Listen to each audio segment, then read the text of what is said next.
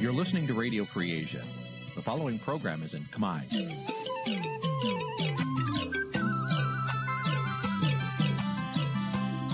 Nǐ chi càm bi tiệp xáy vệt chiu a zì sê ray នេះជាកម្មវិធីផ្សាយរបស់ Vithu Azisari ជាភាសាខ្មែរ វត្តឈូអាស៊ីសេរីសូមស្វាគមន៍លោកអ្នកនាងទាំងអស់ពីរដ្ឋធានី Washington នៃសហរដ្ឋអាមេរិក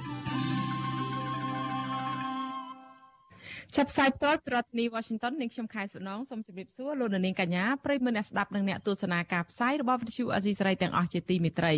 ចា៎នាងខ្ញុំសូមជូនកម្មវិធីផ្សាយសម្រាប់យប់10យប់ថ្ងៃសុក្រ15កើតខែកដឹកឆ្នាំឆ្លូវត្រីស័កពុទ្ធសករាជ2565ដែលត្រូវនឹងថ្ងៃទី19ខែវិច្ឆិកាគ្រិស្តសករាជ2021ចាជាដំបូងនេះសូមអញ្ជើញលោកនាងស្ដាប់ព័ត៌មានប្រចាំថ្ងៃដែលមានមេតិការដូចតទៅ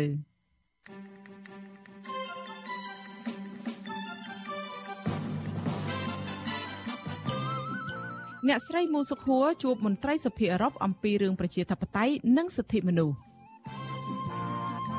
គណៈបកបេះដូងជាតិក្រុងប្តឹងក្រសួងមហាផ្ទៃទៅតុលាការកំពូលតុលាការក៏ហៅអ្នកជំនាញច្បាប់អ្នកអ្នកអ្នកកញ្ញាសេងធីរីឡើងសវនាការនៅដើមខែក្រោយ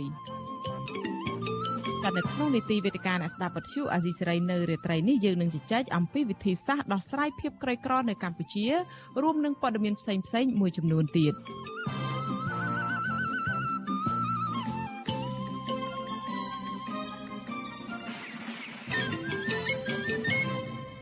ចាជាបន្តទៅនេះនាងខ្ញុំខែសុណងសូមជូនព័ត៌មានទាំងនេះពិស្ដាចាលោកនាងជាទីមេត្រីអនុប្រធានគណៈបកសង្គ្រោះជាតិអ្នកស្រីមូសុខួរជួបប្រជុំជាមួយមន្ត្រីសភាអឺរ៉ុបដើម្បីតាមដាននិងរំលឹកឡើងវិញនៅសេចក្តីសម្រេច25ចំណុចស្តីអំពីបញ្ហាប្រជាធិបតេយ្យនិងសិទ្ធិមនុស្សនៅកម្ពុជា ដែលសភាអឺរ៉ុបបានអនុម័តកាលពីដើមឆ្នាំ2021នេះចាអ្នកខ្លាំមើលសង្គមជឿថាបេសកកម្មនេះនឹងជំរុញឲ្យមានដំណោះស្រាយនយោបាយនៅកម្ពុជា ចាប់ពីរដ្ឋរដ្ឋធានី Washington លោកសេកបណ្ឌិតរាយការណ៍ព័ត៌មាននេះអនុប្រធានគណៈបកសង្គ្រោះជាតិអ្នកស្រីមូសុហួរកំពុងបំពេញបេសកកម្មការទូតរយៈពេល6ថ្ងៃចាប់ពីថ្ងៃទី17ដល់ថ្ងៃទី22វិច្ឆិកានៅសភាអឺរ៉ុបដែលស្ថិតនៅទីក្រុង Brussels ប្រទេសបែលហ្សិកក្នុងដំណើរទស្សនកិច្ចនេះអ្នកស្រីមូសុហួរនិងតំណាងគណៈបកសង្គ្រោះជាតិមកពីប្រទេសបារាំងកញ្ញាលឹមកនិកាព្រមទាំងតំណាងនៅប្រទេសបែលហ្សិកលោកហុកឈៀងអាន បានជួបប្រជុំជាមួយសមាជិកសភាអឺរ៉ុបជាច្រើនរូបដូចជាអ្នកស្រី Sven Hahan អនុប្រធានចលនាសេរីនិយមអន្តរជាតិលោក Emil Kerjes ប្រធានគណៈកម្មាធិការកិច្ចការច្បាប់របស់សភាអឺរ៉ុបលោក Adrian Vargas Lazara រួមទាំងសមាជិកសភាអឺរ៉ុបមួយចំនួនទៀតអ្នកស្រីមូសុហួរថ្លែងថាក្នុងជំនួបទាំងនោះអ្នកស្រីបានជជែកអំពីស្ថានភាពក្នុងប្រទេសកម្ពុជាបច្ចុប្បន្ននិងពិនិត្យមើលថា តើសេចក្តីសម្រេចទាំង25ចំណុចដែលសភាអឺរ៉ុបបានអនុម័តកាលពីខែមីនាឆ្នាំ2021ដើម្បីទាមទារឲ្យរដ្ឋាភិបាលកម្ពុជាស្ដារលទ្ធិប្រជាធិបតេយ្យនិងសិទ្ធិមនុស្សនោះ បានអនុវត្តនិងមានលទ្ធផលកម្រិតណាដែរអនុប្រធានគណៈបកសង្គ្រោះជាតិរូបនេះបានជម្រាបដល់សមាជិកសភាអឺរ៉ុបថាស្ថានភាពប្រជាធិបតេយ្យនិងសិទ្ធិមនុស្សក្នុងប្រទេសកម្ពុជា នៅតែអាក្រក់ដដែលនិងជំរុញឲ្យសហភាពអឺរ៉ុប ដាក់សម្ពាធបន្ថែមទៀតដើម្បីឲ្យរដ្ឋាភិបាលកែលម្អឡើងវិញជាបន្ទាន់គណៈការបោះឆ្នោតកាន់តែខិតជិតចូលមកដល់ខ្ញុំនិយាយអ្វីដែលពាក់ព័ន្ធទៅលើការពិតគឺការចាប់ចងសកម្មជនយើងចាប់ចងសកម្មជនសិទ្ធិមនុស្សបរិស្ថានលក្ខណៈព្រមទាំងករណីរបស់លោកកឹមសុខានៅដដែលទេអត់ទៅណាមកណាទេហើយនឹងយើងខ្ញុំនៅតែទទួលនៅទនកម្មតាមផ្លូវតុលាការ ហើយសមាជិកសភាអឺរ៉ុបនោះគេឃើញថាស្ថានភាពនេះជាការពិតពីព្រោះគេតាមដានដែរស្ថានភាពនេះចិត្តមនុស្សធ្ងន់ធ្ងរណាស់ហើយជាពិសេសយដឹងអំពីចិត្តបោះឆ្នោតឆ្នាំ2022ផងថាអើយគេនឹងសួរទៅគណៈកម្មការនៃសហគមន៍អឺរ៉ុបពីការអនុវត្តដូចជាការដក EBA 20%លក្ខណៈតើមានប្រសិទ្ធភាពយ៉ាងម៉េចកាលពីខែមីនាកន្លងទៅសភាអឺរ៉ុបបានអនុម័តសេចក្តីសម្រេច25ចំណុចថ្កោលទោសអំពើរំលោភសិទ្ធិមនុស្សនិងការធ្លាក់ចុះដុនដាបនៃលទ្ធិប្រជាធិបតេយ្យនៅកម្ពុជា ចំណុចទាំងនោះមានដូចជា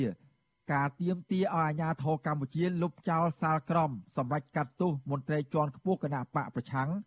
ដោះលែងនិងទម្លាក់ចោលបទចោលប្រឆាំងនឹងសកម្មជនគណៈបកសង្គ្រោះជាតិដោយឥតលក្ខខណ្ឌព្រមទាំងទាមទារឲ្យគណៈបកសង្គ្រោះជាតិរស់ឡើងវិញជាដើម សភាអឺរ៉ុបក៏បានជំរុញឲ្យក្រមប្រឹក្សាអឺរ៉ុបអនុម័តវិធានការរដ្ឋបិទនានាប្រឆាំងនឹងក្រមមេដឹកនាំនយោបាយនិងកងកម្លាំងប្រដាប់អាវុធនៅកម្ពុជា ដែលទទួលខុសត្រូវចំពោះអំពើរំលោភសិទ្ធិមនុស្សធ្ងន់ធ្ងរចំពោះការរំលាយគណៈបកសង្គ្រោះជាតិនិងចាត់វិធានការប្រឆាំងនឹងផលប្រយោជន៍ផ្នែកសេដ្ឋកិច្ចរបស់មន្ត្រីទាំងនោះដោយប្រើច្បាប់ដាក់ទណ្ឌកម្មជាសកលរបស់សហភាពអឺរ៉ុបប្រឆាំងនឹងអំពើរំលោភសិទ្ធិមនុស្សឆ្លើយតបនឹងរឿងនេះ ប្រធានអង្គភិបអ្នកណែនាំពាក្យរដ្ឋាភិបាលលោកផៃស៊ីផានលើកឡើងថាដំណើរទស្សនកិច្ចរបស់អ្នកស្រីមូសុហួរទៅជួបមន្ត្រីសភាអឺរ៉ុបគឺជារឿងផ្ទាល់ខ្លួនរបស់គាត់ដូច្នេះលោកគ្មានអ្វីឆ្លើយតបនោះទេទោះយ៉ាងណាលោកបញ្ជាក់ថារដ្ឋាភិបាលក៏ខ្វាយខ្វល់ខ្លះដែរអំពីការដាក់ទណ្ឌកម្មពីសហភាពអឺរ៉ុបប៉ុន្តែលោកថារដ្ឋាភិបាលមិនអាចយកអធិបតេយ្យភាពជាតិទៅដោះដូរនឹងផលប្រយោជន៍អ្វីមួយនោះឡើយ។ ទី1កម្ពុជាមានរដ្ឋធម្មនុញ្ញខ្លួនឯងមានវិរដ្ឋាភិបាលមួយខ្លួនឯងវាមិនស្ថិតនៅក្នុងអាណានិគមរបស់ប្រទេសណាមួយទីទោះបីជោគជ័យមួយទៅគូលោកជំទាញទៅដល់ឋានសួគ៌តែពិបាកមកត្រួតត្រាគឺកម្ពុជាដែរអានឹងជាចម្លើយទៅហើយរឿងទាំងអស់នោះថាជាទម្លាក់បត់ចាប់ប្រកាន់ហើយទម្លាក់រឿងអីហ្នឹងអានឹងជារឿងបតឡាការដែលខាងរដ្ឋាភិបាលមិនអាចទម្លាន់បានទេទោះយ៉ាងណាអ្នកស្រីមូសុហួរថ្លែងថាចំណាត់ការ និងការទៀមទារបស់សហភាពអឺរ៉ុបកន្លងមកគឺជារឿងត្រឹមត្រូវដើម្បីចូលរួមស្វែងរកដំណោះស្រាយវិបត្តិនយោបាយនៅកម្ពុជាតើរដ្ឋាភិបាលលោកហ៊ុនសែនអាចរស់ដោយខ្លួនឯងទេឬមួយក៏នៅតែរំពឹងតែជំនួយរបស់ចិនហ្នឹងយើងត្រូវគិតគ្នាមែនតើចំពោះយើងជាអ្នកប្រជាធិបតេយ្យយើងត្រូវការជំនួយពីប្រទេសជាធិបតេយ្យហើយជំនួយទាំងអស់នោះលក្ខខណ្ឌគីគឺសិទ្ធិមនុស្សគឺសិទ្ធិប្រជាធិបតេយ្យកាលពីខែសីហាឆ្នាំ2020 សហភាពអឺរ៉ុបបានដកហូតការអនុគ្រោះពន្ធផ្នែកពាណិជ្ជកម្មគ្រប់មុខទំនិញលើកលែងតែអាវុធហៅកាត់ថា EBA ចំនួន20%ពីកម្ពុជា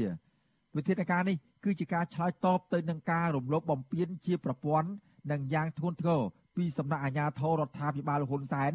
លើសិទ្ធិពលរដ្ឋនិងសិទ្ធិនយោបាយក្រោយការចាប់ខ្លួនលោកកឹមសុខានិងការរំលាយគណៈបកសង្គ្រោះជាតិជុំវិញរឿងនេះអ្នកសិក្សាផ្នែកច្បាប់លោកវ៉ុនចាន់ឡូតពិនិត្យឃើញថា ក្រោយពេលធូរស្រាលនៃជំងឺ Covid-19 ក្រមមេដឹកនាំគណៈបកប្រឆាំងបានចាប់ផ្ដើមសកម្មភាពការទូតខ្លាំងក្លាឡើងវិញដូចជាថ្មីថ្មីនេះលោកសំរងស៊ីបំពេញទស្សនកិច្ចផ្លូវការនៅសហរដ្ឋអាមេរិកពីរលើកខណៈអ្នកស្រីមូសុហួរបំពេញទស្សនកិច្ចនៅសភាអឺរ៉ុបជាដើមចំណែកនៅក្នុងស្រុកវិញតំណាងទូតនានានៅតែបន្តជួបជាមួយលោកកឹមសុខាជាបន្តបន្ទាប់ផងដែរលោកយល់ថា ការដែលរដ្ឋាភិបាលនៅមានភាពក្រអឺតក្រទមព្រោះសម្ពាធពីសហគមន៍អន្តរជាតិកន្លងមកនៅធូរស្រាលនៅឡើយប៉ុន្តែលោកជឿថាបេសកកម្មការទូតរបស់ក្រមមេដឹកនាំគណៈបកប្រឆាំងនិងបញ្ហានៅក្នុងតំបន់ផងនឹងធ្វើឲ្យក្រមប្រទេសប្រជាធិបតេយ្យបង្កើនការដាក់ទណ្ឌកម្មបន្ថែមទៀតដើម្បីជំរុញឲ្យមានដំណោះស្រាយនយោបាយនៅកម្ពុជា។ បើកម្ពុជាគិតថាចិននឹងជួយកម្ពុជានឹងជួយគណៈបកប្រជាជនអាចគ្រប់គ្រងអំណាចឬក៏ប្រឈមមុខជាមួយនឹងប្រទេសសេរីខ្ញុំគិតថានេះជាការគិតមួយខុសហើយជាការដែលនាំកម្ពុជាឆ្ពោះទៅរកវិបត្តិអាចជាវិបត្តិនយោបាយផងអាចនឹងទៅជាវិបត្តិសេដ្ឋកិច្ចផងយើងមើលឃើញថាសហរដ្ឋអាមេរិកក៏ដូចជាសហភាពអឺរ៉ុបគេត្រៀមការដាក់ទណ្ឌកម្មជាបន្តបន្តទៀតបើសិនការចរចាឬក៏ការសម្របសម្រួលផ្នែកនយោបាយហ្នឹងវាមិនមានលទ្ធផលប្រសើរនោះបាទ មន្ត្រីជាន់ខ្ពស់គណៈបកប្រឆាំងនិងអ្នកខ្លាំមើលបញ្ហាសង្គមលើកឡើងថារដ្ឋាភិបាលកម្ពុជា គួរតែបើកចិត្តឲ្យទូលាយក្នុងការចរចាបញ្ចប់វិបត្តិនយោបាយជាមួយនឹងថ្នាក់ដឹកនាំគណៈបកប្រឆាំងដើម្បីរក្សាផលប្រយោជន៍ជូនប្រជារាស្ត្រនិងប្រទេសជាតិពួកគាត់ជឿថាបើសិនរដ្ឋាភិបាលលោកហ៊ុនសែននៅតែមិនព្រមស្ដារសិទ្ធិមនុស្សនិងប្រជាធិបតេយ្យឡើងវិញទេ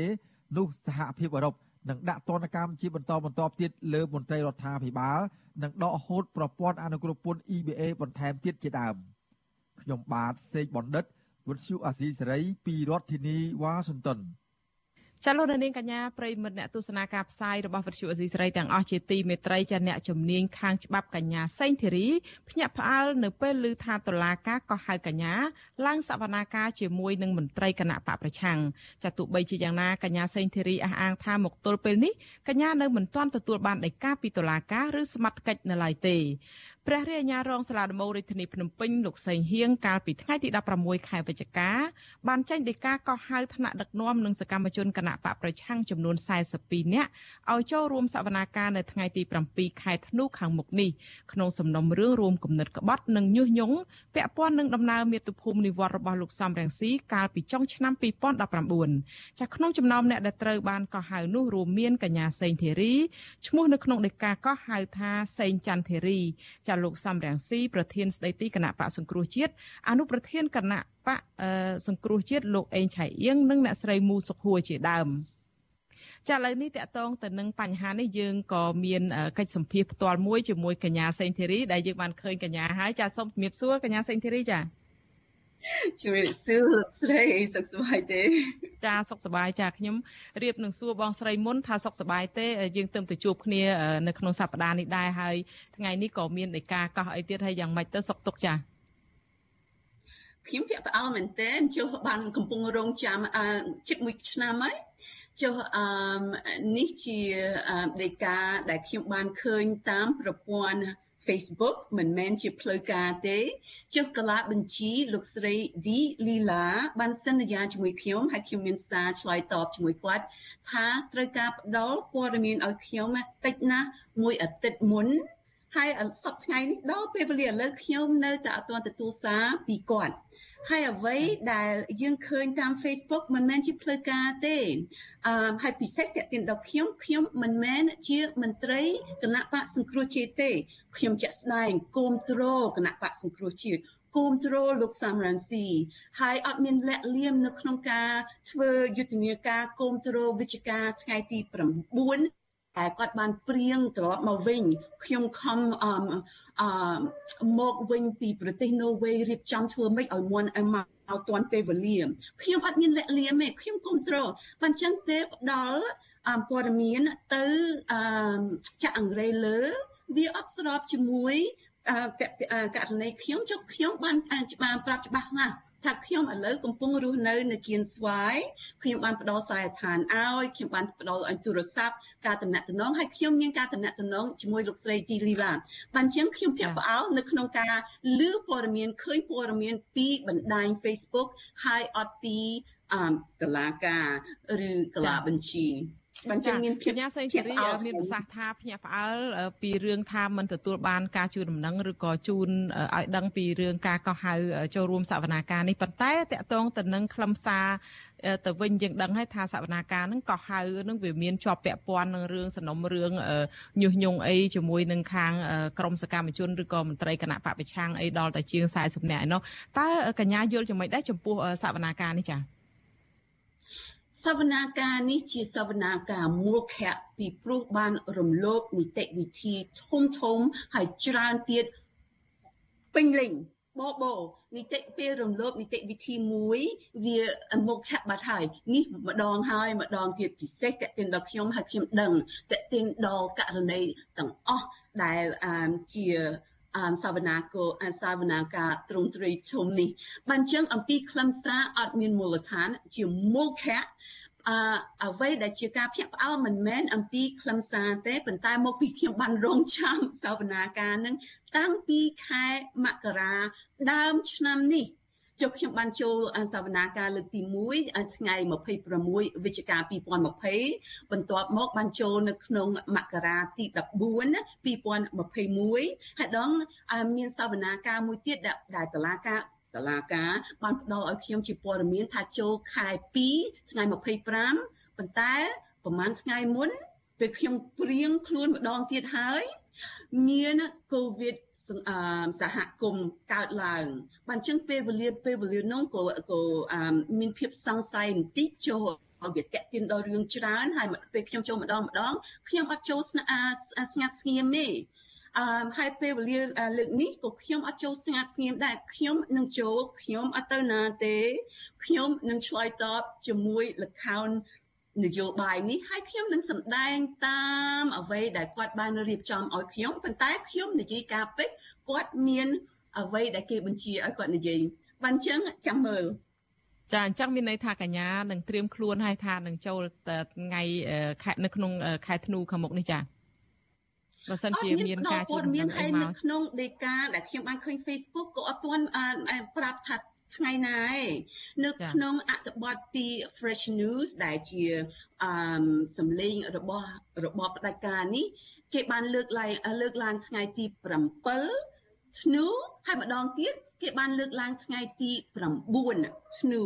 ប៉ុន្តែចំពោះខ្ញុំខ្ញុំអត់ទាន់បានឃើញតាម Facebook ដែលមិនផ្លូវការចំពោះខ្ញុំអត់ទាន់បានឃើញច្បាស់លាស់ថាថ្ងៃណាទេបានចឹងថ្ងៃណាក៏ដោយចុះងាយស្រួលចំពោះខ្ញុំខ្ញុំងាយស្រួលឆ្លើយតបណាស់ពីព្រោះជារឿងមោខៈហើយពេលខ្ញុំចូលសម្ដែងនឹងខ្ញុំនិយាយការពិតអឺអត់មានពិបាកអីទេ អឺហើយមេធាវីរបស់ខ្ញុំនៅ Washington DC លោក Jared Genzer ហើយក្រុមមេធាវីគាត់ខ្ញុំបានផ្ដល់សារទៅគាត់ដែរចូលឥឡូវនៅនោះយប់ហើយព្រលឹមបានចឹងពេលខ្ញុំឮគាត់កំពុងគេងអឺខ្ញុំគិតថានៅក្នុងរយៈពេលបន្តិចហ្នឹងគាត់នឹងទទួលសារពីខ្ញុំហើយខ្ញុំនឹងមានការពិគ្រោះយោបល់ជាមួយពួកគាត់ខ្ញុំបានផ្ដល់សារហ្នឹងទៅផ្ដល់សារថែមទៀតឲ្យបណ្ដាញសហគមន៍អន្តរជាតិដឹងថាសូមតាមដានពីព្រោះរឿងនេះមិនមែនរឿងធម្មតាទេហើយអ្វីដែលកើតឡើងឥឡូវហ្នឹងដូចខ្ញុំថាជាទូទៅខែ11ហើយខែ12របបផ្ដាច់ការនេះគេរវល់ណាស់ចំពោះយើងដែលជាសកម្មជនសិទ្ធិមនុស្សដែលជា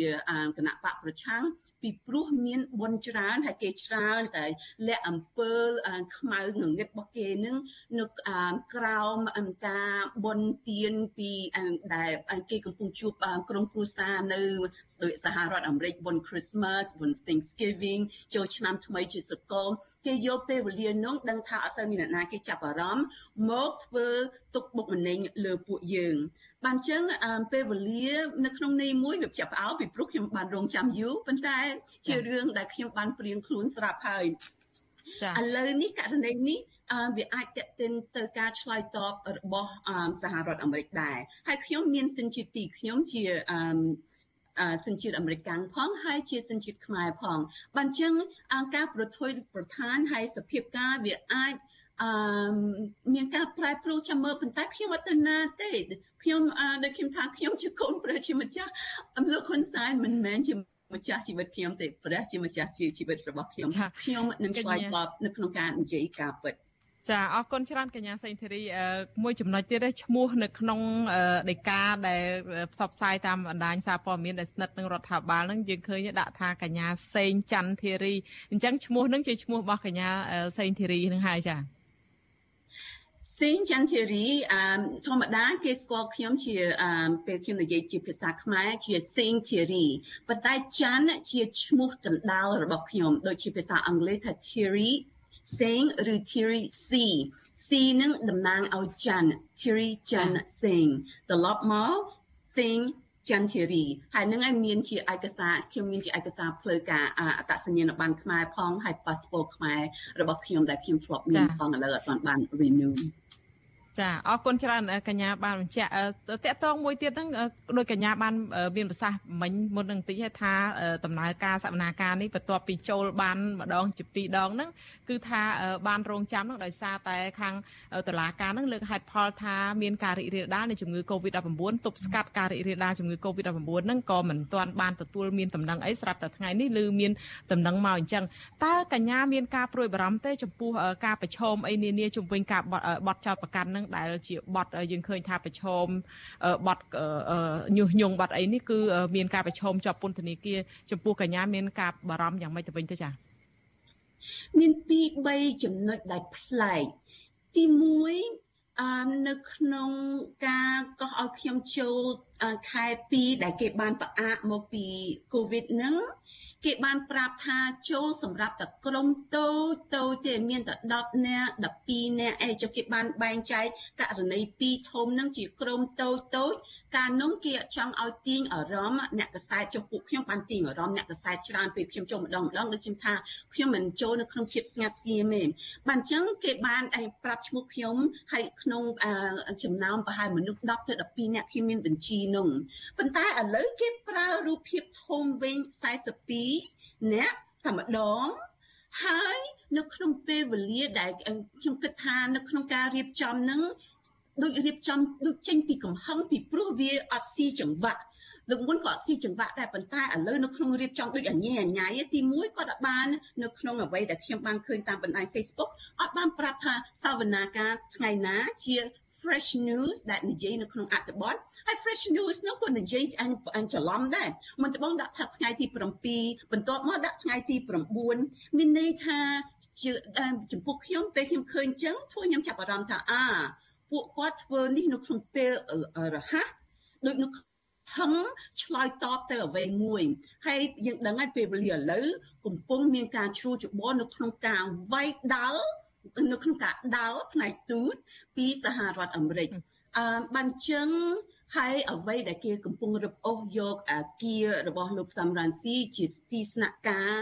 របស់គណៈបកសង្គ្រោះជាតិផងនៅក្នុងពេលវេលាមួយហ្នឹងវាអាចតេតិនដល់នឹងអឺបានជើងវាប្លែកឥឡូវគេប្រើរូបទ្រង់ទ្រីធំទៀតហើយលើកមុនគេបានបែងចែក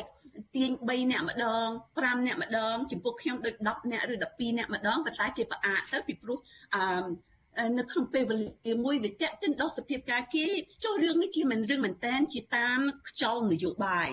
ហើយឥឡូវខ្យល់នយោបាយកំពុងប្រែប្រួលបានចឹងការវែកញែករបស់ខ្ញុំក៏ផ្សេងពីមុនចុះលើកមុនគេចង់ឲ្យតែខ្ញុំដែងចេញពីប្រទេសទេខ្ញុំបានមីណាហើយគេយល់ហើយខ្ញុំអត់ទៅណាទេចុះខ្ញុំដឹងតែខ្ញុំចេញពីកម្ពុជាគេអត់ឲ្យខ្ញុំត្រឡប់មកវិញទេហើយខ្ញុំដាច់ខាត អត់ចេញពីកម្ពុជាទេកញ្ញាសេរីត្រង់ចំណុចនេះកញ្ញា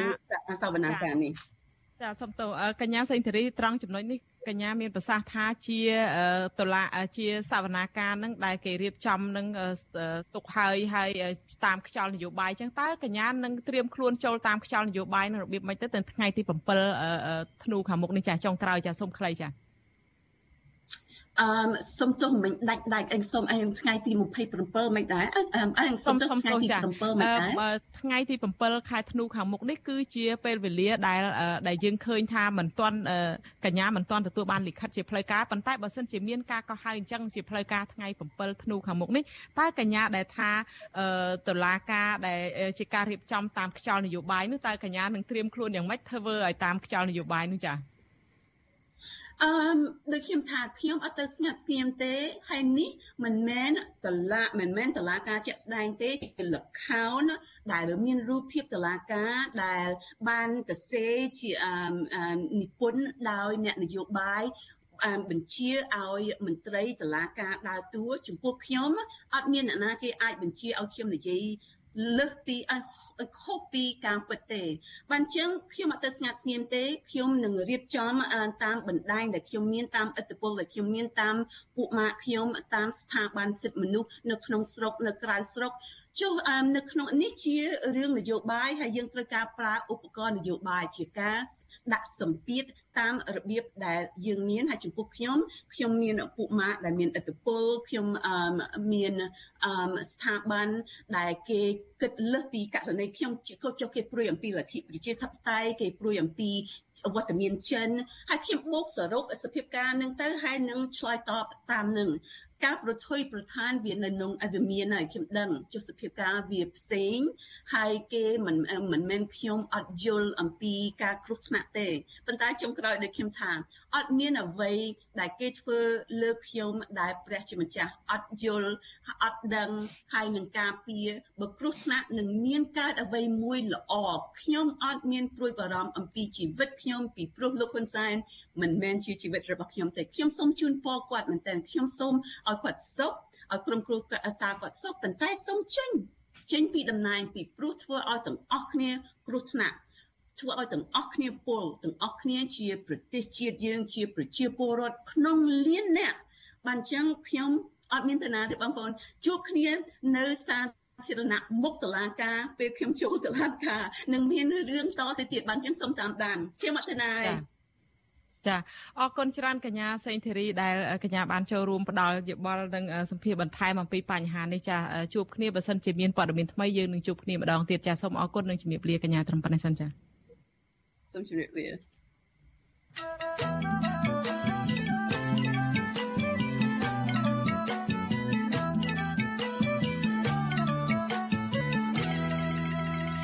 លោកនាងកញ្ញាប្រិមត្តអ្នកស្ដាប់ជាទីមេត្រីចាងាកមកសេចក្តីរាយការណ៍មួយផ្សេងទៀតស្ថាបនិកគណៈបកបេះដូងជាតិកំពុងរៀបចំបណ្ដឹងទៅតុលាការកំពូលករណីក្រសួងមហាផ្ទៃមិនព្រមចុះបញ្ជីផ្លូវការឲ្យគណៈបកនេះធ្វើសកម្មភាពនយោបាយចាមន្ត្រីសង្គមស៊ីវិលសង្កេតឃើញថាក្រសួងមហាផ្ទៃរដ្ឋបတ်លើគណៈបកនេះខ្លាំងជាងគណៈបកផ្សេងទៀតចាប់ពីរដ្ឋធានី Washington លោកទីនសាការីយ៉ារាយការណ៍ព័ត៌មាននេះ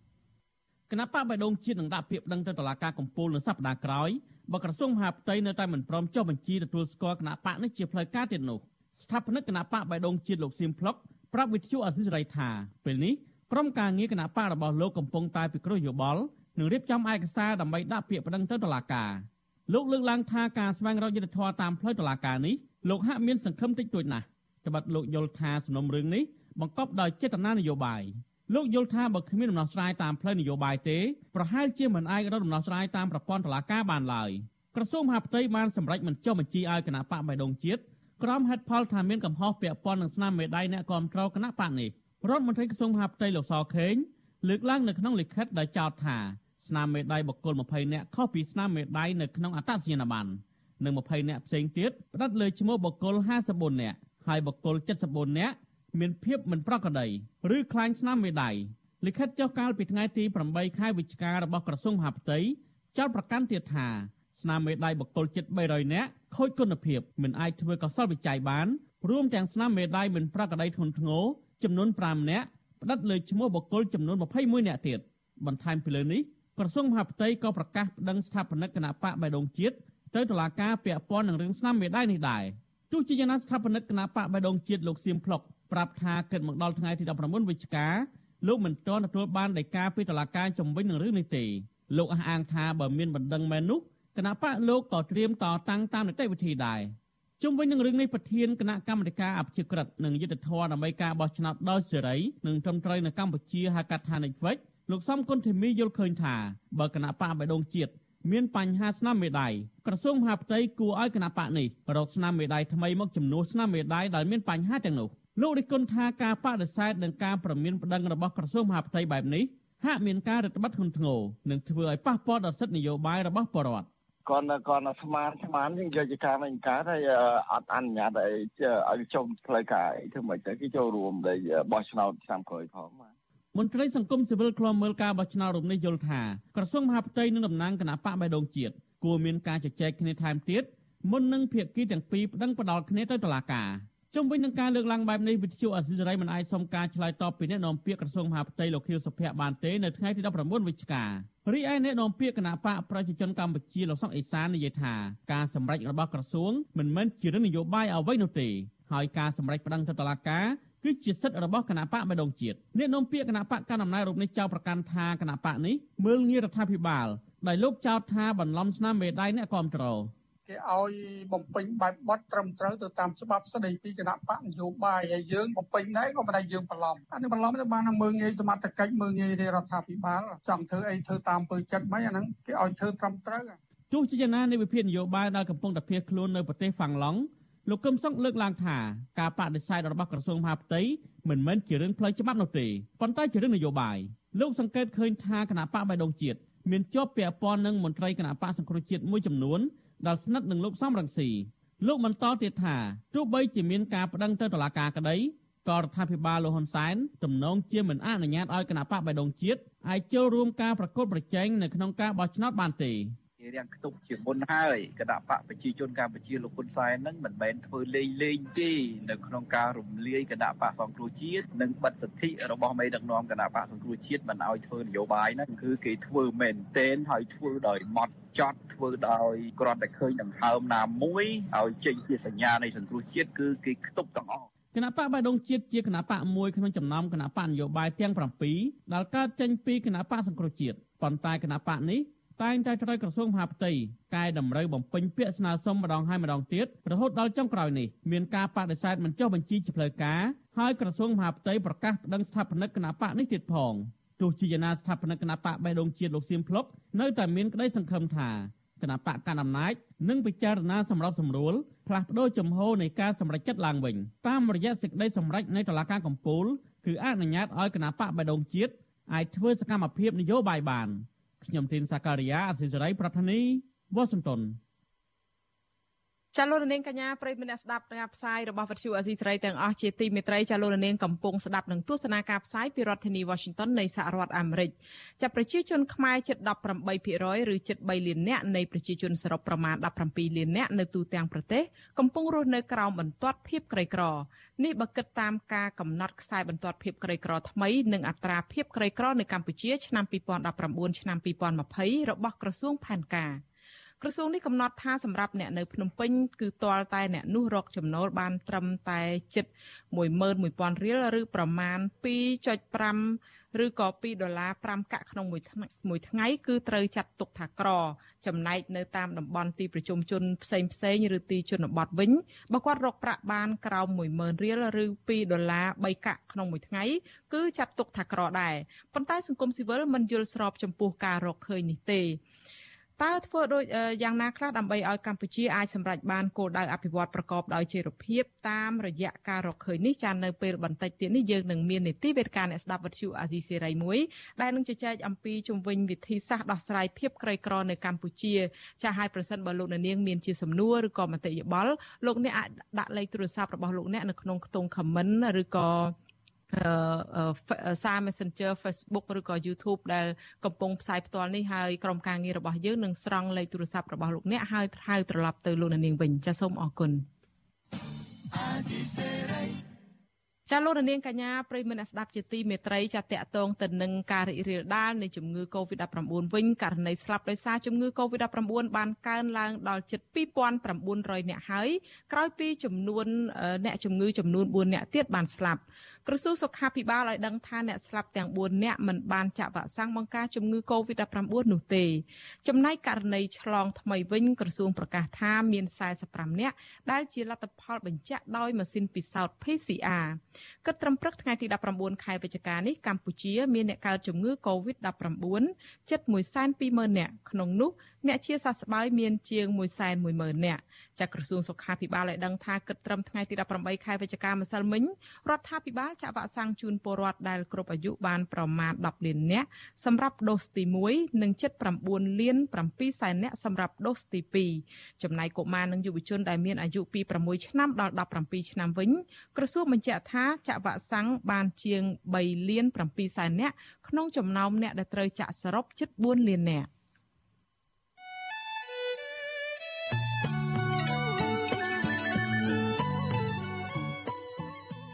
ចាលោកនាងកញ្ញាប្រិមមអ្នកស្ដាប់ទស្សនាការផ្សាយរបស់វិទ្យុអាស៊ីសេរីលើបណ្ដាញសង្គម Facebook និង YouTube ជាទីមេត្រីចាក្រៅពីទស្សនាការផ្សាយលើបណ្ដាញសង្គមនេះយើងក៏មានការផ្សាយតាមរយៈរលក ធាតុអាកាសខ្លីឬ Short Wave តាមកម្រិតនិងកម្ពស់ដូចតទៅនេះពេលព្រឹកចាប់ពីម៉ោង5កន្លះដល់ម៉ោង6កន្លះតាមរយៈរលកធាតុអាកាសខ្លី9390 kHz ស្មើនឹងកម្ពស់ 32m និង11850 kHz ស្មើនឹងកម្ពស់ 25m ចានៅពេលយប់ចាប់ពីម៉ោង7កន្លះដល់ម៉ោង8កន្លះតាមរយៈរលក ធាតុអាកាសខ្លី9390 kHz ស្មើនឹងកម្ពស់ 32m និង15155 kHz ស្មើនឹងកម្ពស់ 20m ចាលោករនាងកញ្ញាប្រិមនអ្នកស្ដាប់ជាទីមេត្រីចាតកតងទៅនឹងស្ថានភាពការរកឃើញរបស់ខាងក្រសួងផែនការនេះដែរយើងនឹងមានសម្ភារផ្ទាល់មួយជាមួយខាងប្រធានសមាគមសេដ្ឋកិច្ចក្រៅប្រព័ន្ធគឺលោកវ៉ុនពៅ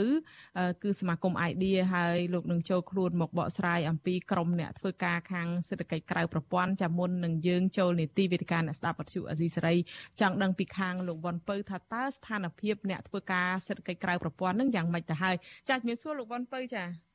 អឺសូមជំរាបសួរ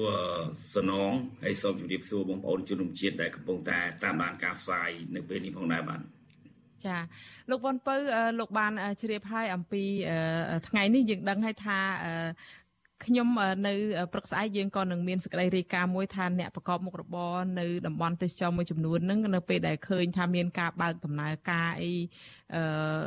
ក៏មានពិធីបុណ្យអុំទូកអីប៉ុន្តែថ្មីត្បិតតែមិនមានអុំមានអីប៉ុន្តែមាននៅតាមទីប្រជុំជនហ្នឹងក៏មានបើកលក់ដូរអីចឹងដែរហើយពួកគាត់ថាមានដំណើរការមកវិញបន្តិចចានៅក្នុងឱកាសនេះហើយប៉ុន្តែជុំវិញស្ថានភាពនេះខ្ញុំចង់ងាកទៅអ្វីដែលខាងក្រសួងផែនការបានរកឃើញនឹងដោយលោកវ៉ាន់ពៅបានជ្រាបហើយថាមានការបង្ហាញរបាយការណ៍នឹងឆ្នាំ2019ឆ្នាំ2020នឹងគឺមានន័យថាក្នុងពីខែមេសាឆ្នាំ2020នឹងនៅក្នុងរបាយការណ៍នេះគឺបញ្ចូលត្រឹមតែខែមេសាដែលជាពេលវេលាដែលជួបវិបត្តិនៃ COVID-19 ហើយក្រសួងផែនការបានរកឃើញថាមានប្រមាណជា3លានអ្នកដែលជាប្រជាពលរដ្ឋក្រីក្រចុះចំណែកលោកវ៉ាន់ពៅដែលធ្វើការជាមួយអ្នកសេដ្ឋកិច្ចក្រៅប្រព័ន្ធលោកយល់ស្របយ៉ាងម៉េចដែរចំពោះការរកឃើញនេះចា៎បាទអរគុណសំណងសំណងដែលបានលើកជាសំណួរនេះឡើងខ្ញុំគិតឃើញថាការរកឃើញនេះវាជាចំណុចមួយដែល ជាចំណុចដែលទាបបំផុតនៃប្រាក់ចំណូលរបស់ប្រជាពលរដ្ឋនៅក្រោមបន្ទាត់នៃភាពក្រីក្រឬនៅនៅបន្ទាត់នៃភាពក្រីក្រដែលគិតជាមធ្យមរកការរកឃើញនេះគឺស្មើ19051រៀលអញ្ចឹងការរកឃើញនេះបើសិនជាយើងការប្រៀបធៀបទៅនឹងតំណែងទីផ្សារគឺมันអាចរស់បានទេมันអាចចាយបានទេយើងកលេចមើលគ្រាន់តែសាច់ជ្រូកហ្នឹង1គីឡូហ្នឹងវាចិត្ត40000រៀល3000 37000រៀលទៅហើយអញ្ចឹងខ្ញុំគិតការរកឃើញវាជាចំនួនទាបបំផុតដែលมันអាចរស់បានក្នុងស្ថានភាពបែបនេះបាទអញ្ចឹងការរកឃើញនេះបើសិនជាយើងប្រៀបធៀបចំនួនអ្នកដែលធ្វើការនៅក្នុងវិស័យសេដ្ឋកិច្ចក្រៅប្រព័ន្ធមានចំនួនប្រហែលជា8លានអ្នកឯណោះកម្លាំងពលកម្មសរុបហើយយើងមើលតួលេខរបស់ក្រសួងផែនការក៏បានបញ្ជាក់ថាកម្មករសេដ្ឋកិច្ចក្រៅប្រព័ន្ធ 6លាននាក់អាចប្រឈមមុខនឹងការបាត់បង់ការងារបាត់បង់នៅប្រាក់ចំណូលអញ្ចឹងយើងឃើញថាតួលេខនេះគិតទៅប្រហែលយើងគិតទៅវាចំនួន3លាននាក់ដែលប្រាក់ចំណូលនេះគឺយើងថាទៀបបំផុតដែលគិតថាបើសិនជាប្រៀបធៀបចំនួនកម្មករសេដ្ឋកិច្ចក្រៅប្រព័ន្ធនេះបើការរកឃើញនេះខ្ញុំគិតថាវាអាចអ្នកដែលរកបានចំនួន10000 950រៀលឬក៏11000រៀលក្នុងមួយថ្ងៃ ក្នុងបន្ទាត់ឬក្រោមបន្ទាត់នៃភាពក្រីក្រនេះវាជាចំណុចមួយដែលយើងមិនអាចរស់បានទេទាល់តែបើយើងការរកឃើញនេះគឺរដ្ឋគិតពីចំនួនការតេទៅទៅនឹងសេដ្ឋកិច្ចនិងសង្គមគិច្ចអញ្ចឹងគឺគឺបញ្ចូលទាំងការតម្លៃនៃការជួលផ្ទះតម្លៃបរិមាណនៃការប្រើប្រាស់សម្ភារៈបានយូរតម្រូវការមូលដ្ឋានសម្រាប់កន្ត្រកអឺ សម្រាប់បន្ទាត់នៃភាពក្រីក្រហ្នឹងតម្រូវការមូលដ្ឋានគឺគេរាប់តាំងពីការអឺអាហារហូបចុកប្រចាំថ្ងៃតម្រូវការរបស់ការរស់នៅរបស់ប្រជាពលរដ្ឋអញ្ចឹងបើសិនជាជាឃើញថារកបាន10951រៀលលុយខ្មែរនេះវាជាចំណុចមួយទាបបំផុតហើយសម្រាប់មនុស្សម្នាក់យើងគិតជាមធ្យមសម្រាប់ប្រជាពលរដ្ឋខ្មែរក្នុងមួយគ្រួសារគិតជាមធ្យមកូន3នាក់ទៅហើយអញ្ចឹងទាំងគ្រួសារទាំងប្រពន្ធទាំង ប្តីទៀតវា5នាក់អញ្ចឹងក្នុងគ្រួសារមួយគឺឥឡូវនេះមកគិតជាទូទៅ អ្នកដែលរកប្រាក់ចំណូលគឺតែម្នាក់ឬក៏ពីរនាក់ប៉ុណ្ណោះពីរនាក់គឺរាប់ទាំងស្ត្រីម្នាក់ដែលគាត់លក់ដូរតាមដងផ្លូវអញ្ចឹងប្រាក់ចំណូលនេះគឺมันអាចផ្គត់ផ្គង់ជីវភាពរស់នៅប្រចាំថ្ងៃបានទេនៅក្នុងស្ថានភាពបែបនេះអញ្ចឹងវាជាចំនួនមួយទាបបំផុតហើយបើសិនជាយើងកលែងមើលបើរាប់តាំងពីតម្លៃជួលផ្ទះជួលអីអាហ្នឹងទាល់តែអ្នកទាំងនោះកុំ នៅផ្ទះជួលទៅដេកតាមបងតាមសួនច្បារអាហ្នឹងបានអាចរស់នៅកើតបើយើងគិតពីតម្លៃឈ្នួលផ្ទះហ្នឹងជាមធ្យម45ដុល្លារហើយសម្រាប់បន្ទប់តូចមួយអញ្ចឹងការរកឃើញខ្ញុំគិតថាចំនួនទាបបំផុតហើយប្រជាពលរដ្ឋដែលខ្វះខាតនោះគឺគឺចំនួនច្រើនជាងនេះទៅទៀតតាមការមើលឃើញក៏ដូចជាក្រសួងផែនការខ្លួនឯងក៏បានបញ្ជាក់ដែរថាអ្នកធ្វើការវិស័យសេដ្ឋកិច្ចក្រៅប្រព័ន្ធជាង6លាននាក់អាចនឹងបាត់បង់ការងារបើសិនជាការអូសបន្លាយនៃ COVID-19 ដែលនៅតែបន្តទៅទៀតហើយការរកឃើញគឺ2019 2020នេះវាជាចំនួនដែលខ្ញុំមើលឃើញថាវាមិនមិនគ្រប់ ចំនួនមនុស្សដែលរស់នៅក្នុងមន្ទាត់ក្រីក្រឬក្រមមន្ទាត់នៃភាពក្រីក្រនោះទេបាទចុះលោកប៉ុនពៅបើសិនជាលោកមានការប្រួយបារម្ភថាការស្រាវជ្រាវនោះរកឃើញថាចំនួននឹងមិនគ្រប់ដោយថាអ្នកដែលក្រហ្នឹងក៏បើតាមលោកដឹងហ្នឹងមានការស្រាវជ្រាវកន្លងមកហ្នឹងក៏មានចំនួនច្រើនអ្នកសេដ្ឋកិច្ចក្រៅប្រព័ន្ធហ្នឹងក៏ច្រើនហើយអ្នកសេដ្ឋកិច្ចក្រៅប្រព័ន្ធយើងនិយាយទៅគឺអ្នកដែល រកស៊ីលក់ដូរសំបីអ្នកលក់ពេជ្រលក់មាសនៅផ្សារអូស័យផ្សារថ្មីក៏គាត់ជាអ្នកសេដ្ឋកិច្ចក្រៅប្រព័ន្ធដែរប៉ុន្តែយើងនិយាយអំពីចំនួនអ្នកដែលក្រៅប្រព័ន្ធហ្នឹងដែលមានចំនួនស្ថានភាពក្រីក្រខ្លាំងហ្នឹងគឺលោកបារម្ភថាមានច្រើនហើយបើសិនជាតួលេខនៃការរកឃើញរបស់ខាងក្រសួងផែនការរកឃើញមិនមិនមិនតលរយៈភាពគ្នាមិនត្រឹមត្រូវចឹងតើលោកមានការបារម្ភអំពី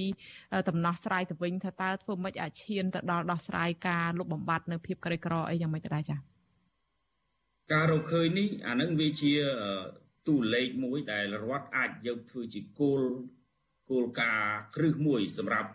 នៃការចេញបាននៃភាពក្រីក្រជូនប្រជាពលរដ្ឋពីព្រោះការវាតម្លៃនៃការជូនបានក្រីក្រជូនប្រជាពលរដ្ឋគឺវាវាតម្លៃនៃតួលេខរបស់ក្រសួងផែនការអញ្ចឹងបើសិនជាចំនួនតួលេខនេះមានប្រជាពលរដ្ឋតិចតួចបំផុតគឺតែ3លានអ្នកហ្នឹងអញ្ចឹងមានន័យថាអ្នកដែលទទួលបាន បាននៃភាពក្រីក្រដែលជាចំណុចពិសេសមួយនៃរបបកិច្ចគាំពៀសង្គមតាមរយៈប្រព័ន្ធប្រព័ន្ធជំនួយសង្គមនោះគឺអ្នកទទួលបានអត្ថប្រយោជន៍នៃបានភាពក្រីក្រគឺបានតិចបំផុតដែលក្រសួងបានកំណត់ចឹងហើយបានជាយើងមើលឃើញថាកន្លងមកជាពិសេសនៅក្នុងស្ថានភាព COVID-19 នេះអ្នកធ្វើការនៅក្នុងវិស័យសេដ្ឋកិច្ចក្រៅប្រព័ន្ធមានចំនួនតិចតួចបំផុតដែលទទួលបានការផ្ទេរសាច់ប្រាក់ឬការឧបត្ថម្ភផ្សេងផ្សេងពីរដ្ឋាភិបាលនោះ ដែលចំណុចនេះវាជាការព្រួយបារម្ភមួយនៃការដំណោះស្រាយក្នុងការជួយទៅដល់ប្រជាពលរដ្ឋនៃការឧបត្ថម្ភធនឬក៏នៃការផ្ទេរសាច់ប្រាក់ក៏ដូចជាការជួយទំនុកបំរុងផ្សេងផ្សេងទៀតនៅពេលនៃការបើកប្រទេសឡើងវិញអញ្ចឹងកាលណាយកតួលេខគោលដៅដែលកម្រិតក្រីក្រក្នុងចំនួនទាបបំផុតនេះធ្វើឲ្យយើងបាត់អត្ថប្រយោជន៍នៃការទទួលបាននៃកិច្ចគាំពារសង្គមតាមរយៈប្រព័ន្ធជំនួយសង្គមពីអាជ្ញាធររដ្ឋជាពិសេស ការទទួលបាននៃបាននៃភាពក្រីក្រអញ្ចឹងហើយវាជាការបាត់អត្ថប្រយោជន៍មួយដែលយើងទាំងអស់គ្នាជាម្ចាស់ពុនដែលយើងបងពុនជារៀងរាល់ថ្ងៃធ្វើឲ្យយើងបាត់អត្ថប្រយោជន៍ហើយធ្វើឲ្យយើងភាពក្រីក្រនេះมันអាចរស់នៅក្នុងស្ថានភាពបែបនេះបានធ្វើឲ្យយើងកាន់តែក្រីក្រទៅក្រីក្រទៅហើយយើងមិនមានលទ្ធភាពនៃការទទួលបាននៅសេវាសុខភាពឬក៏សេវាផ្សេងផ្សេងទៀតពីអាជ្ញាធររដ្ឋបើសិនជារដ្ឋកំណត់ ទូលេខទៀបបំផុតបែបនេះបាទនេះគឺជាចំណុចមួយដែលជាការព្រួយបារម្ភរបស់យើងខ្ញុំដែលខ្ញុំបញ្ជាក់ថាបើសិនជាយើងមើលកលេខទូលេខនេះ10900រៀលនេះគឺយើងមិនអាចរស់នៅបានទេ គ្រួសារម្នាក់ក្នុងគ្រួសារមួយជាមធ្យមមនុស្ស5នាក់អ្នកដែលរកប្រាក់ចំណូលតែម្នាក់ឬក៏2នាក់តែប៉ុណ្ណោះចុះ3នាក់ទៀតគាត់បានអាហារហូបចុកយ៉ាងដូចម្ដេចទៅបើការកំណត់ជាបែបនេះហើយ តើគាត់នឹងទទួលបានអត្ថប្រយោជន៍ផ្សេងផ្សេងពីប្រព័ន្ធកិច្ចគាំពារសង្គមតាមរយៈប្រព័ន្ធជំនួយសង្គមនេះដែរឬអត់អានេះហើយគឺជាការព្រួយបារម្ភរបស់ជាងខ្ញុំដែលធ្វើការបដោតអារម្មណ៍កិច្ចគាំពារសម្រាប់ទៅលើអ្នកក្រីក្រនៅក្នុងប្រជាណាចក្រកម្ពុជាជាពិសេសអ្នកដែលធ្វើការនៅក្នុងវិស័យសេដ្ឋកិច្ចក្រៅប្រព័ន្ធដែលចំនួនអ្នកធ្វើការសេដ្ឋកិច្ចក្រៅប្រព័ន្ធគឺជាចំនួនមួយដែលច្រើនលើសលប់ដែលជាការចូលរួមចំណែកក្នុងការអភិវឌ្ឍសេដ្ឋកិច្ចជាតិហើយ ការផ្ដល់អត្ថភាពនៃការគិតគូររបស់រដ្ឋត្រូវបានទម្លាក់ចោលអ្នកធ្វើការនៅក្នុងវិស័យសេដ្ឋកិច្ចក្រៅប្រព័ន្ធបែបនេះវាជាការហានិភ័យខ្ពស់វាជាការរងគ្រោះដ៏ធំធេងសម្រាប់ដែលយើង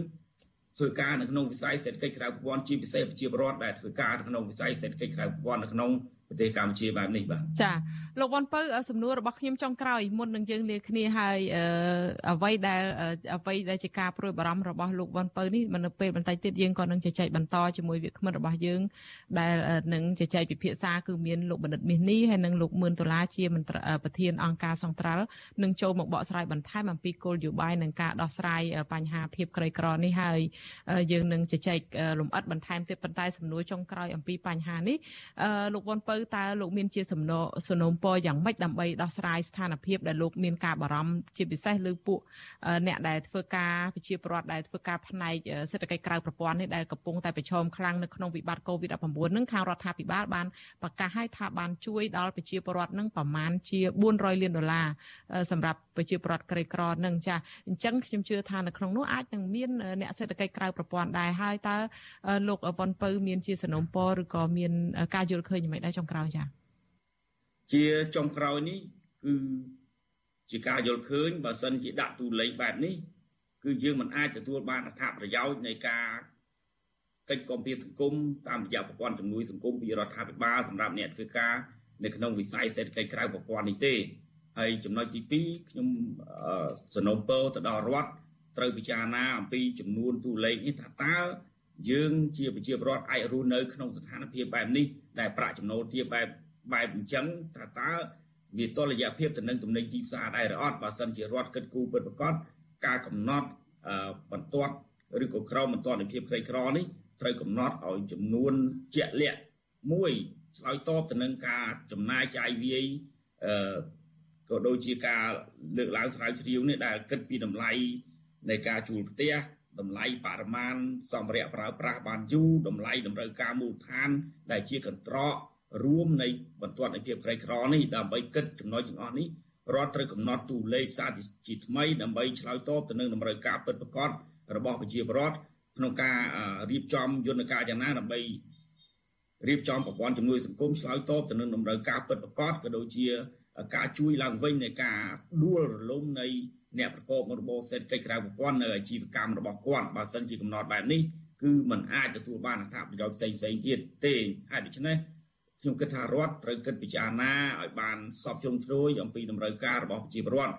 ទោះបីក្នុងស្ថានភាពបែបនេះយ៉ាងណាក៏ដោយมันមានការផ្ដល់ឱកាសទៅដល់អង្គការសង្គមស៊ីវិលឬបកប្រឆាំងអីក៏ដោយក៏ត្រូវគិតអំពី តម្រូវការជាក់ស្ដែងរបស់ប្រជាពលរដ្ឋដែរបើសិនជាធ្វើអ្វីទៅតាមការនឹកឃើញឬក៏ការយល់យល់អំពីការសម្រួលឬក៏យល់អំពីការតម្រូវការប្រាក់ថវិកាជាតិសម្រាប់ឆ្លើយតបទៅនឹងតម្រូវការប្រជាពលរដ្ឋខ្ញុំគិតថាវាជាការបាត់ឱកាសមួយសម្រាប់ប្រជាពលរដ្ឋដែលជាអ្នកបងពុនក្នុងការត្រួតត្រងសេដ្ឋកិច្ចជាតិមួយដែរបើសិនជាធ្វើបែបនេះវាជាការផ្ដល់ឱកាសទៅដល់ អ្នកដែលធ្វើគោលនយោបាយហើយវាជាការបាត់ឱកាសសម្រាប់អ្នកធ្វើការនៅក្នុងវិស័យសេដ្ឋកិច្ចក្រៅប្រព័ន្ធដែលជាអ្នកបងពុនធ្វើឲ្យយើងបាត់ឱកាសមិនទទួលបាននៃការទទួលអត្ថប្រយោជន៍ផ្សេងផ្សេងពីអាជ្ញាធររដ្ឋក៏ដូចជាតាមរយៈប្រព័ន្ធកិច្ចគាំពារសង្គមនៃប្រព័ន្ធជំនួយសង្គមនេះផងដែរបាទអញ្ចឹងរដ្ឋត្រូវគិតគូរមែនទែនអំពីចំណុចនេះបាទ ចាសូមអរគុណលោកវ៉ាន់ពៅចាអឺនៅពេលបន្តិចទៀតនេះយើងនឹងមានកិច្ចពិភាក្សាអំពីបញ្ហានេះនឹងខ្ញុំសូមអរគុណលោកវ៉ាន់ពៅដែល បានចូលរួមជជែកពិភាក្សាបន្ថែមហើយយើងក៏នឹងមានការជជែកពិភាក្សាជាមួយលោកមឿនដុល្លារជាប្រធានអង្គការសង្ត្រាល់ហើយនិងលោកបណ្ឌិតមាសនេះជាអ្នកសិក្សាស្រាវជ្រាវផ្នែកអវត្តសង្គមដែលលោកនឹងជជែកវែកញែកបន្ថែមអំពីបញ្ហានេះហើយប៉ុន្តែពេលនេះខ្ញុំសូមអរគុណលោកវ៉ាន់ពៅដែលលោកបានឡើងមកជជែកអំពីជ្រុងមួយនៃអ្នកខាងសេដ្ឋកិច្ចក្រៅប្រព័ន្ធចាសូមជំរាបលាលោកត្រឹមប្រសិនចាបាទអរគុណជំរាបលាបាទ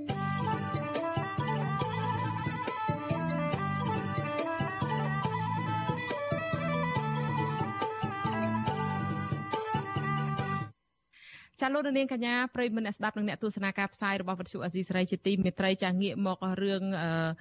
មួយផ្សេងទៀតដាច់ដាច់ដライឯនេះវិញគឺក្រមប៉ូលីសចម្រុះបានជួយសង្គ្រោះកម្មករថៃ99នាក់ដែលគេបង្ខំឲ្យធ្វើការខុសច្បាប់និងបង្ខាំងទុកក្នុងអគារមួយកន្លែងនៅទីក្រុងភ្នំពេញ កាសែតបាងកកប៉ុស្តិ៍នៅថ្ងៃទី19ខែវិច្ឆិកានេះស្រង់សម្ដីជនរងគ្រោះឲ្យដឹងថានៅពេលពួកគេមិនព្រមធ្វើការក្រុមជើងកាងជនជាតិចិនបានវាយធ្វើបាបដាក់ខ្នោះបង្អត់បាយ2ថ្ងៃករណីខ្លះទៀតជនរងគ្រោះត្រូវបានគេលក់បន្តទៅឲ្យក្រុមជើងកាងចិនផ្សេងទៀតជនរងគ្រោះទាំងនោះត្រូវបានជ្រើសរើសដោយពលរដ្ឋថៃគ្នាឯងដោយប្រើប្រាស់ពាក្យសម្ដីលួងលោមបោកប្រាស់ថាក្រុមហ៊ុនចិននៅប្រទេសកម្ពុជាជ្រើសរើសបុគ្គលិកធ្វើការផ្នែកលបែងកាស៊ីណូអនឡាញនិងទីផ្សារអនឡាញចាក្រុមជើងកាងក៏បានលួចដឹកជញ្ជូនកម្មករថៃទាំងនោះឆ្លងដែនដោយខុសច្បាប់តាមរថយន្ត នៅច្រកព្រំដែនខេត្តស្រះកែវនិងបានយកពួកគេបង្ខាំងទុកនៅក្នុងអាគារនៅទីក្រុងភ្នំពេញនិងបង្ខំឲ្យចុះកុងត្រាការងារប្រពន្ធដដែលបន្តថាប្រតិបត្តិការជួយសង្គ្រោះនេះគឺជាផ្នែកមួយនៃកិច្ចប្រឹងប្រែងរួមដោយអាជ្ញាធរកម្ពុជាប៉ូលីសថៃនិងមន្ត្រីស្ថានទូតនៅប្រចាំនៅប្រទេសកម្ពុជាចាមុនប្រតិបត្តិការជួយសង្គ្រោះកម្មករថៃ99នាក់នោះកាលពីថ្ងៃទី18ខែវិច្ឆិកាក្រុមប៉ូលីសបានឡោមព័ទ្ធអគារដែលជាមល្បាតដោយក្រុមជើងកាងចិននិងចាប់ខ្លួនបានប្រមាណ40នាក់ក្នុងចំណោម50នាក់ជនរងគ្រោះទាំងនោះនឹងដាក់ធ្វើឲ្យចតាលិស័កដាក់ធ្វើចតាលិស័ក14ថ្ងៃជាមុនសិនមុននឹងបញ្ជូនត្រឡប់ទៅប្រទេសថៃវិញចាក្រមប៉ូលីសកំពុងបន្តស៊ើបអង្កេតករណីនេះនិងសង្ឃឹមថាអាចជួយសង្គ្រោះជនរងគ្រោះរាប់រយនាក់ផ្សេងទៀត។ ចាលោកនាងជាទីមេត្រីលោកនាងទៅបានស្ដាប់ព័ត៌មានប្រចាំថ្ងៃដែលរៀបចំជូនដោយនាងខ្ញុំខែសុណងពីរដ្ឋធានី Washington នៃសហរដ្ឋអាមេរិកចាសូមអញ្ជើញលោកនាងស្ដាប់នេតិវេទិកាអ្នកស្ដាប់ពទ្យុអាស៊ីសេរីនៅពេលបន្តិចទៀតនេះ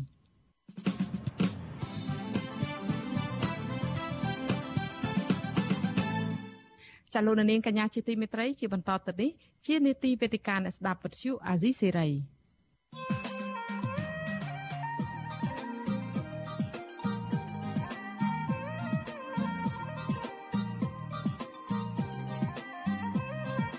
វេទិកាអ្នកស្ដាប់វិទ្យុអា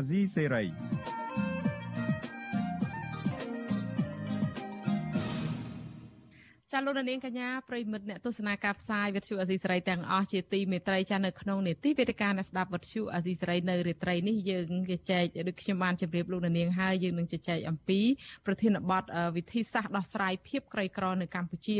ចាឲ្យភ្ញៀវរបស់យើងនៅពេលនេះគឺមានប្រធានមជ្ឈមណ្ឌលសម្ព័ន្ធភាពការងារនិងសិទ្ធិមនុស្សហៅកាត់ថាអង្គការសង្ត្រាល់គឺលោកមឿនដុល្លារហើយនឹងលោកមួយរូបទៀតគឺជាអ្នកស្រាវជ្រាវការអភិវឌ្ឍសង្គមបណ្ឌិតមាសនេះចានេះខ្ញុំសូម